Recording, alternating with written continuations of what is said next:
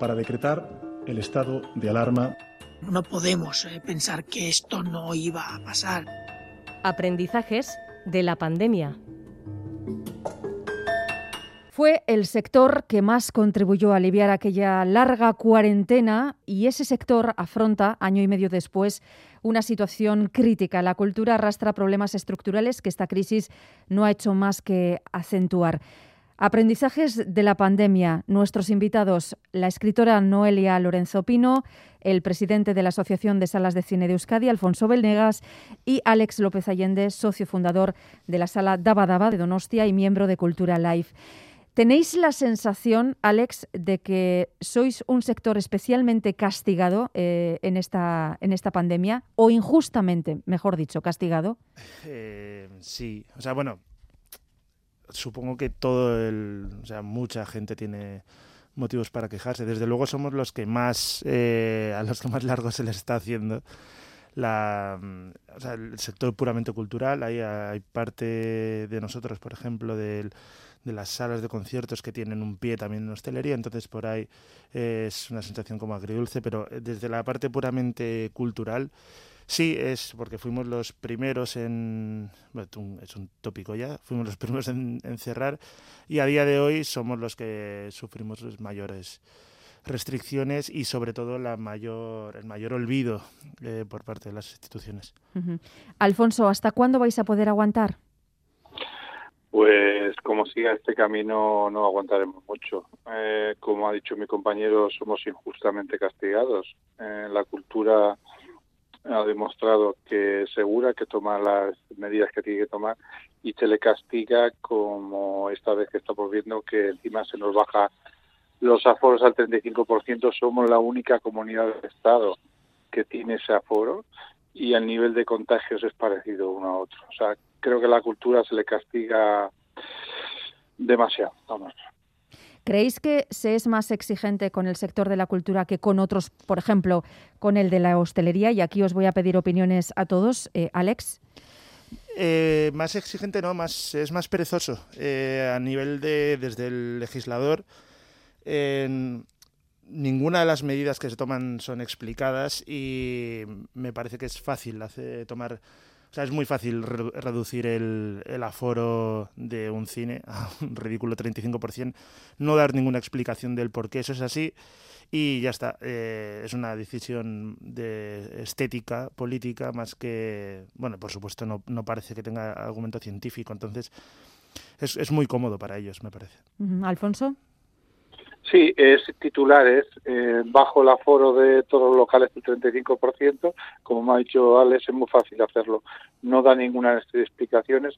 Nosotros ayer sacamos un mapa del estado de, de, aforos y de todo y nos quedamos un poco sorprendidos porque humildemente estábamos pidiendo un 60 que nos volvieran al 60% de aforo y vemos que la mayoría de las comunidades tienen el 75 pero para ellos es muy cómodo y no dan ninguna explicación y una cosa de la que hemos aprendido es que por muchas medidas que tomemos al final nos castigan quiere decir que ese embalde que el dinero que hemos gastado en todo lo que podemos poner para evitar el tema del COVID es en balde, porque al final somos castigados con, con este aforo del 35%, que, como me decía ayer un compañero mío, es un cierre encubierta.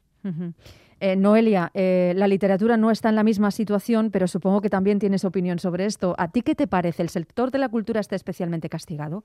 Sí, está, está más castigado. Bueno, yo puedo hablar eh, de mi experiencia y en una de las presentaciones, pues el aforo era de 15 personas, estaba en una librería que tienen bar al lado simplemente nos separaba la presentación del bar una cortina. Nosotros estábamos 15 personas con nuestra mascarilla, con nuestro metro y medio, y al lado estaban las mesas a rebosar, nadie con mascarilla. Y no se entiende, ¿no? Eh, la cultura aquí metidos, 15 personas, y allí pues, a rebosar las mesas sin mascarilla. Yo no lo entiendo personalmente y sí, sí, estamos más castigados. Hay una vía abierta de diálogo con el gobierno vasco, con, eh, con el Departamento de, de Cultura. Alex, Alfonso. Por nuestra eh, parte, bueno, perdón, Alfonso, si tú. Sí, bueno, yo hay una ahí eh, sí hay completamente fluidez hablando, pero creo que tiene las manos atadas. Y como ha dicho Alex también, eh, estamos abandonados económicamente. O sea, están tomando unas medidas que al final no, no se toman en decir unas ayudas directas al sector de la cultura, porque nadie se le pasa por la cabeza que hay que ayudar, pero todos tenemos que pagar las facturas al mes. Y es una cosa graciosa porque yo decía el otro día, invitaba al LABI a que pagara el 65% de, del aforo que me quitan, pero creo que no lo paga nadie, lo tengo que pagar yo, pero ellos me cierran el aforo o cierran el aforo de las salas o de conciertos y todo eso. Yo un ejemplo, y tú bien has dicho que estoy un poquito lejos, eh, ayer yo viajé a este sitio que estoy y el avión venía hasta arriba, el autobús donde me trasladó al hotel hasta arriba y digo yo, ole, y yo a sufrir. Con, con, las salas, porque ahora, perdona, ¿eh? Alex, ahora te doy paso, pero eh, Alfonso, las salas ahora mismo de cine, eh, ahora mismo, ¿qué restricciones tiene para que todo el mundo le quede claro? O sea, tenemos que reducir a un 35% de aforo, pero encima como máximo 400 personas. Con lo cual, si, si lo analizáis y sumáis y hacéis unas cuentas matemáticas, pues es un cierre, es un cierre encubierta. O sea, nos han cerrado. Y yo, por ejemplo, de mis salas personalmente he cerrado dos. O sea, yo ahora mismo en Euskadi no tengo ninguna sala abierta, pero en cambio que tengo salas en Andalucía y en La Rioja tengo el 75% de aforo. ¿Es incoherente? Sí. ¿Es diferente el virus en Euskadi, en Andalucía o en La Rioja? Parece ser. El virus de Euskadi es peor que el de los otros. No lo sé, pero las medidas son así. Y no quiere decir que en La Rioja o en Andalucía nos den ayuda, tampoco nos dan ayuda, o sea, que es a nivel general el dejarnos abandonados con, con, el lastre de la facturación. ¿eh? Alex, eh, ¿vía abierta de comunicación con el gobierno vasco? En absoluto. Eh, la última vez que hablé con, tuvimos reunión con nuestros compañeros de Cultura Live. Cultura Live es la sala, la asociación que representa a las salas de conciertos de Euskadi. Aquí estamos pues Dabadaba, Gel Dorado, el Doca, el Anchoqui, bueno, casi todas.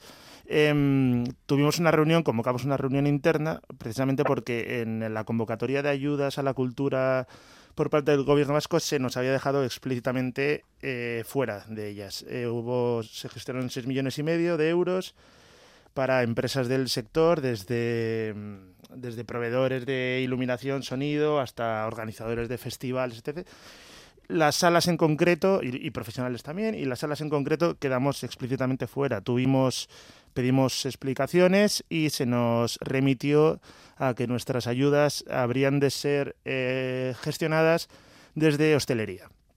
Eh, esto es eh, así de explícito y, de, y, de, crudo. Parece ser que ahora con la convocatoria que anunció el consejero Hurtado para el ocio nocturno, ahí es donde podríamos ubicarnos. Estamos hablando de que van a ser en septiembre. Con suerte se tramitarán noviembre, diciembre. Habrán, pasado casi dos años desde que empezó la pandemia. Danos un ejemplo de lo que estáis viviendo, porque hay salas que permanecen cerradas desde, desde el inicio de la pandemia, que no han podido volver a abrir. Hay, digamos, dos escuelas. Eh, hay una escuela que decidió, eh, una vía que decidió cerrar. Creo que es la más eh, inteligente en términos económicos. Ha sido la de eh, no volverse loco y hasta que hasta que el futuro... O sea, sucedió, por ejemplo, en el Anchoqui, ¿no? En el Anchoqui, sí. Es, se, seguirá teniendo sus gastos estructurales, pero no ha entrado en la espiral en la que hemos entrado los demás de ERTE arriba, ERTE abajo, abre ahora con un aforo, cierra ahora con este aforo, eh, organiza. Nosotros hemos organizado desde que nos animamos a empezar en septiembre, en el 5 de diciembre, llevamos ya 60 conciertos organizados en 7 meses, 7, 8 meses. Eh, es, es, una cifra importante, está lejos de la actividad que solía ser Daba Daba, pero es una cifra importante que no sé si la tiene siquiera la administración pública. Eh, todo esto lo hemos hecho con eh, un pequeño apoyo de, de, Donostia Cultura, que lo agradecemos, y mm, de apoyo a la programación, y otro apoyo inicial que hubo, eh, un ciclo destinado a la programación también por parte del gobierno vasco para siete conciertos que hubo entre diciembre y enero. Todo lo demás, eh, bueno, lo hemos hecho por vocación, pulmón y ya quizá por la ignorancia de, o la falta de estrategia de, no saber de no saber parar y darle sentido a, nuestra existencia como, empresas, digamos. Noelia, eh, la COVID no ha matado la creatividad, se lee, se sigue leyendo, de hecho creo que se lee o se leyó por lo menos más que nunca, eh, pero sí ha afectado de lleno al circuito de promoción y ferias del libro. Ahí estáis sufriendo un montón, ¿no? Eso es. Eh, yo además casualmente publiqué mi última novela una semana antes de, que entrara la pandemia. Tenía un montón de presentaciones programadas, Madrid, Barcelona, Bilbao, Pamplona, y bueno, se quedaron todas sin, sin hacer. Eh, yo creo que la primera presentación la hice a los cuatro meses y ya, ya como he comentado antes, con aforos reducidísimos, se quedó mucha gente fuera y es pena. Casi no te merece la pena no moverte hasta Madrid para solo poder presentar la novela ante, ante 15 personas. Claro. Sí que es verdad, eh, pues eso, que, que se ha leído más, yo he notado, eh, por suerte, pues gracias a las redes sociales he podido hacer directos de Instagram y llegar a lectores a los que no había llegado y bueno, nos hemos movido un poco como hemos podido, ¿no? Los, los autores sí que es verdad que, que no vivimos de las presentaciones, y, no nos ha afectado tantísimo como, como a, estos dos sectores que tengo a mi lado. ¿no? Claro, pero la promoción es muy importante también. La promoción es muy importante y, ya os digo que yo me quedé sin hacer promoción de, de esta última novela y he sacado ahora una reedición y he hecho bueno una promoción pequeñita. Las promociones son muy pequeñitas las que podemos hacer ahora. Eh, esto lastra además a unas editoriales que dicen que el sector del libro desde hace años es un mundo en permanente pandemia prácticamente, ¿no? Sí. Porque lo estaban pasando ya eh, bastante mal muchas de ellas. Sí, y, peor las eh, librerías que han caído. Por ejemplo, en Irún ahora mismo solo tenemos una librería, la otra que había cerró en la pandemia. no, no pudo soportar pagar local y, tener la librería cerrada. Y, es una pena porque se va arrastrando a, muchos, ¿no? No solo editoriales. Em, Alex, em, de la actividad de la música en directo, claro, depende, eh, dependéis vosotros, evidentemente, que sois los que tenéis las salas, pero también técnicos, promotores, proveedores, eh, iluminadores, por supuesto los artistas. Eh, eh, ya, pero de esos nos acordamos siempre. bueno, no, no sé, o son los, los más los, los, que nos vienen antes a la cabeza. Pero claro, es que detrás hay un mundo extensísimo. ¿Qué está pasando ahí con el empleo? Lo, lo, si, por sacar una lectura positiva, el mundo técnico se organizó bastante bien, eh, una especie de sindicato que parece que va a dar una estructura permanente y, les da fuerza. De hecho, yo creo que, que estas últimas ayudas a las que hacía referencia antes, en parte salen eh, gracias a su a su presión y de lo cual me, me alegro. Pero aún así, pues sí, es em, tanto. Eh, he citado a artistas también porque se asemeja un poco a la situación laboral de muchos de ellos. Son eh, trabajos eh, muy intermitentes en una industria muy precaria en la que abunda a menudo el, los fraudes de ley también de, por la precariedad por muchas razones. Y, mucha gente que en el primer confinamiento y en todas las ayudas eh, em, lanzadas por tanto por el gobierno más como, como por el Estado central se quedaron fuera precisamente por, pues, yo qué sé, por no llegar a mínimos de cotización en años anteriores o, cosas así. Entonces, eh, mi, conocimiento de la gente que tengo cerca y de, mi propia parte, también toco en un grupo, eh, es de, mucha, mucha precariedad y, y, de y de meses muy duros. Y ahora este año ha sido, parece como que va mejor, eh, hay mucha, como mucha actividad organizada por, por ayuntamientos, etc. Pero a la vez está muy sujeta también a incertidumbre o sea, uno, de, que te tengas que confinar, o sea, no es lo mismo una, un confinamiento por, por estar, eh, por ser positivo COVID o estar, haber estado en contacto teniendo tu contrato, trabajando en un, yo qué sé, en, un, en una fábrica, lo que sea, que tienes tu baja, que perder un concierto que ibas a hacer de técnico, por ejemplo, porque te tienes que confinar. Conozco varios casos pues, de gente que pierde pues cuatro o cinco conciertos en, en, un mes, que seguramente sea más de la mitad de sus, de sus, ingresos. Eso es. Y entonces esto lleva a situaciones Claro, es que cuando las cosas están mal hechas, el, eh, lo escuchaba respecto a los botellones, es que los, el caos eh, sucede cuando las cosas no están bien hechas. El paso eh, en consecuencia es el típico ya de no me ponga, no digas mi nombre a los rastreadores. ¿no? Ya me hago yo la PCR porque es que me jodo las, las los próximos 3-4 conciertos. O sea, eh, es, una, mm, es una cadena de, desastres que lleva a una situación pues eso, como la que estamos. Alfonso, eh, salas de cine. Em, hasta la semana que viene no se vuelve a reunir el LABI. Entendemos, por tanto, que si hubiera revisión, hasta la semana que viene no la va a haber. Eh, vosotros pedisteis en su momento al Gobierno vasco que reconsiderara la reducción de aforos. no ha habido respuesta positiva en este caso. ¿Pensáis recurrir? Como sabes muy bien, el mes de agosto eh, no es judicialmente hábil. estamos recogiendo datos, como ves hemos recogido esos datos a nivel de Estado, que esto hago a los jueces también les va a interesar, porque en una comunidad se hace un aforo y en otra no se hace, se hace diferente.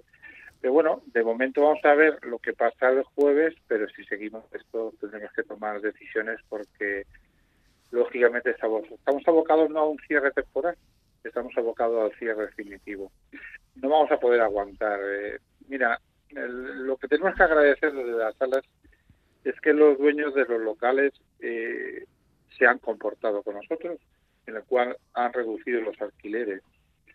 Quiere decir que si estaríamos pagando ahora mismo los alquileres que tendríamos que pagar, estaríamos cerrados hace meses, porque no hemos recibido ayuda de ninguna clase. Segundo, el cine eh, ha tenido un problema, que es que dependíamos mucho, dependemos mucho del cine americano, y el cine americano nos abandonó. Cuando se abrieron los cines, abandonaron a las salas de cine. Alguna distribuidora sí lo mantuvo, americana, pero otras, y todavía es el día que lo están abandonando. Y eh, nos hemos nutrido casi todo de cine independiente, del cine europeo ahí vamos a aprender una lección, que es que dependemos mucho del cine americano. Entonces esa lección es que nos pueden abandonar en cualquier momento.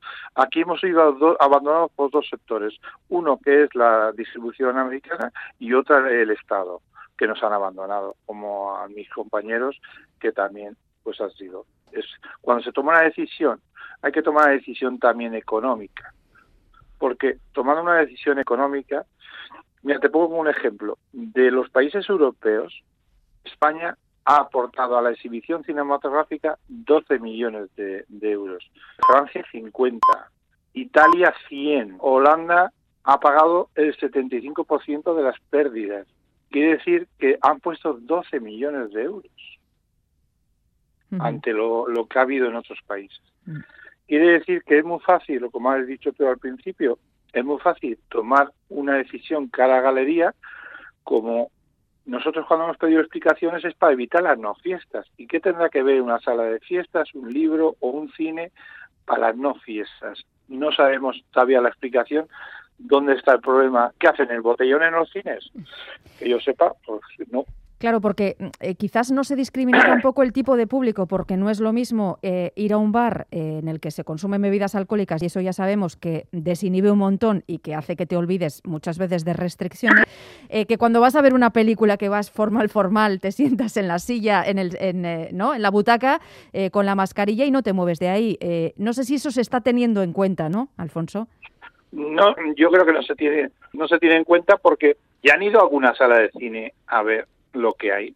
Han ido a ver una sala de cine a ver lo que pasa, qué normativas tenemos. Mira, yo te puedo poner ejemplo y muy sencillo. El cine de Guecho, que está cerrado eh, temporalmente, eh, tiene un lector de temperatura, un agua que un arco de agua ozonizada, separación de butacas, salidas por otras puertas. Pues chicos, yo no sé dónde está el problema de, de los del labio por las salas de cine. Cuando resulta que la gente sí quiere ver el cine, Pero el problema no es la reducción del aforo al 35% o el tema de las salas o los libros. El problema es que qué transmitimos a la opinión pública. ¿Que es más peligroso ir a un cine o a una sala de fiesta o ver una presentación de un libro que ir a un botellón? Pues estamos diciendo, es más peligroso ir a un cine, coño, le han reducido el 35% de aforo. Ojo, que ahí se puede, ahí nos podemos contaminar. Os voy a pedir un minuto final a todos con precisamente con el título de este de esta sección, ¿no? Que nos hemos inventado aquí. ¿Qué aprendizaje habéis sacado de, de esta pandemia, Noelia? Qué difícil. Eh, lo que se echa de menos, ¿no? El, el, estar delante de, yo en mi caso, estar delante de mis lectores, lo que, lo que echo de menos poder compartir, ¿no? Hablar de mis novelas con ellos, sin mascarilla, con abrazos, siempre nos abrazamos mucho en mis presentaciones. echo mucho de menos esa cercanía. Alex. Estoy pensando, no creo, no creo que haya aprendido nada. ¿eh? Em, Más bien ha sufrido mucho, ¿no? No, tampoco, es que me da un poco de rabia estas, o sea, la forma en la que me expreso en estas entrevistas porque realmente soy optimista y, la gente a mi alrededor me pregunta a mí, bueno, ¿cuál es cuándo? Y yo siempre les digo, yo creo que agosto, septiembre haremos. Pero, o sea, no me gusta tanto quejarme, lo que pasa es que hay, hay muchas razones para quejarse no tengo mucha enseñanza. Esto de no creo ni que salgamos mejores. tengo miedo de que vamos a salir bastante, bastante peores, más, más con los derechos más tocados. Eh, y si acaso, pues, mm, como, como ha dicho Alfonso, no confiar demasiado en, en que nadie vaya a venir a, ayudarte. Es una enseñanza de mierda. Lo siento. Bueno, el lenguaje claro es, eh, es muy efectivo en la radio. ¿eh? Alfonso. Pues mira, yo he aprendido que en el año 19 nosotros seamos los dueños del cine, de las propiedades, de las programaciones, de los aforos, y que en el 2021 somos los dueños para pagar las facturas, pero no somos los dueños de los aforos, de los horarios y de todo lo demás. Quiere decir que hemos aprendido que somos tontos porque no podemos confiar eh, en los que nos gobiernan, porque en cualquier momento se pueden quedar con nuestros negocios y nosotros somos los que pagamos la factura. A mí se me queda un poco una cara de tonto. Y sí, mira, una cosa que le puedo brindar a Noelia es que aproveche los cines, que presente los libros en los cines, que los cines tienen más capacidad que una sala pequeña y que aproveche, que aproveche los cines, que tiene además un buen instrumento para presentar libros, porque tienen todo, se puede presentar en pantalla, con una mesa. Aprovecha los cines, Noelia. Los cines son grandes y puedes tener mucho público en la presentación de los libros. Porque es verdad que, que los locales estos están de, un poco desaprovechados y hay que aprovecharlos. Yo los viendo siempre a que se aproveche esos sitios. Y lo que sí está claro es que donde hay cultura hay vida. Y si queremos lapidar la cultura, nos vamos a amargar. Entonces, los políticos yo creo que están equivocados en restringir la cultura. La cultura hay que darle vida porque nos vamos a evadir leyendo un libro o oyendo música o en una película. Y lo que están intentando es que no vayamos a evadirnos a eso. Están intentando que, fíjate qué cosa, con la medida que han tomado, lo que hacen es echar a la gente a la calle. O sea, una cosa curiosa. Queremos sacar a la gente de la calle pero con esas reducciones de aforos les echamos a la calle, porque en la calle no hay aforos. Em, claro, es que nos hemos olvidado eh, muy pronto cómo eh, durante el confinamiento, que parece que sucedió hace siglos, ¿no? Eh, pero sucedió hace muy poco y muchas personas del sector cultural fueron una tabla de salvación. libros, mm. música, series, películas amenizaron nuestros días de encierro, sin olvidar, por supuesto, la labor altruista de muchos artistas que organizaron eventos, actuaciones online de manera gratuita. Efectivamente. Ahí, ahí hubo una entrega del mundo de la cultura que, que, mm. me parece que es, que es para subrayar. ¿no? Eh, el sector de la cultura se portó muy bien y no sé si ahora esto eh, se lo estamos devolviendo de mala manera, ¿no? Eh, nos están castigando, nos están castigando a la cultura, se le está castigando. Y es una pena porque creo que, como dices tú bien, en, en la época aquella de las restricciones, estamos encerrados, la cultura no se evadía, no se evadía una música, no se evadía un libro, no se evadía una película, había gente que lo hacía, que ponía canciones, que, que daba apoyos, pero ahora ya ves que nos atacan por todos lados y es que no lo entiendo, o sea, es una cosa que, que no me, a mí nadie me ha convencido y creo que a Alex y a Noelia tampoco, de las medidas que se toman. Son unas medidas que van a dar un resultado. El resultado es lo que he dicho, que echamos a la gente a la calle. También es verdad que ahora todo el mundo está en la calle, está en las playas, está en los montes, está por ahí, porque al final yo veo aquí donde estoy de vacaciones que está hasta arriba, ¿eh? no entra en un alfiler. Eh, quiere decir que la gente quiere vivir y le estamos quitando el poder vivir. Y leerse un libro, oír la música o ver una película, estoy dos horas evadido del problema que tengo fuera. Y yo creo que eso se lo estamos cortando. Alex, creo que querías decir algo. Sí, no, iba a decir que con esta pregunta que me hacías, sí, eh, casi te voy a contestar la anterior también. algo, algo positivo que he visto en, en este año y pico, la gente ha venido a estos 60 conciertos, ha habido muy pocos que nos hayan llenado con el pequeño aforo que tenemos ahora, pero casi todos se han llenado.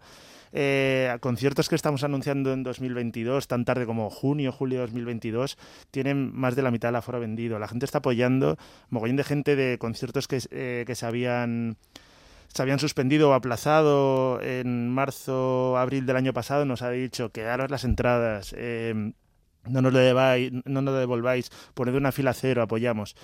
Eh, no es cierto que, que, seamos abandonados. Somos abandonados porque más tiene eh, que hacer, pero eh, la gente la gente apoya y, el, tópico este de, de solo el pueblo salva al pueblo, pues a veces es, es verdad.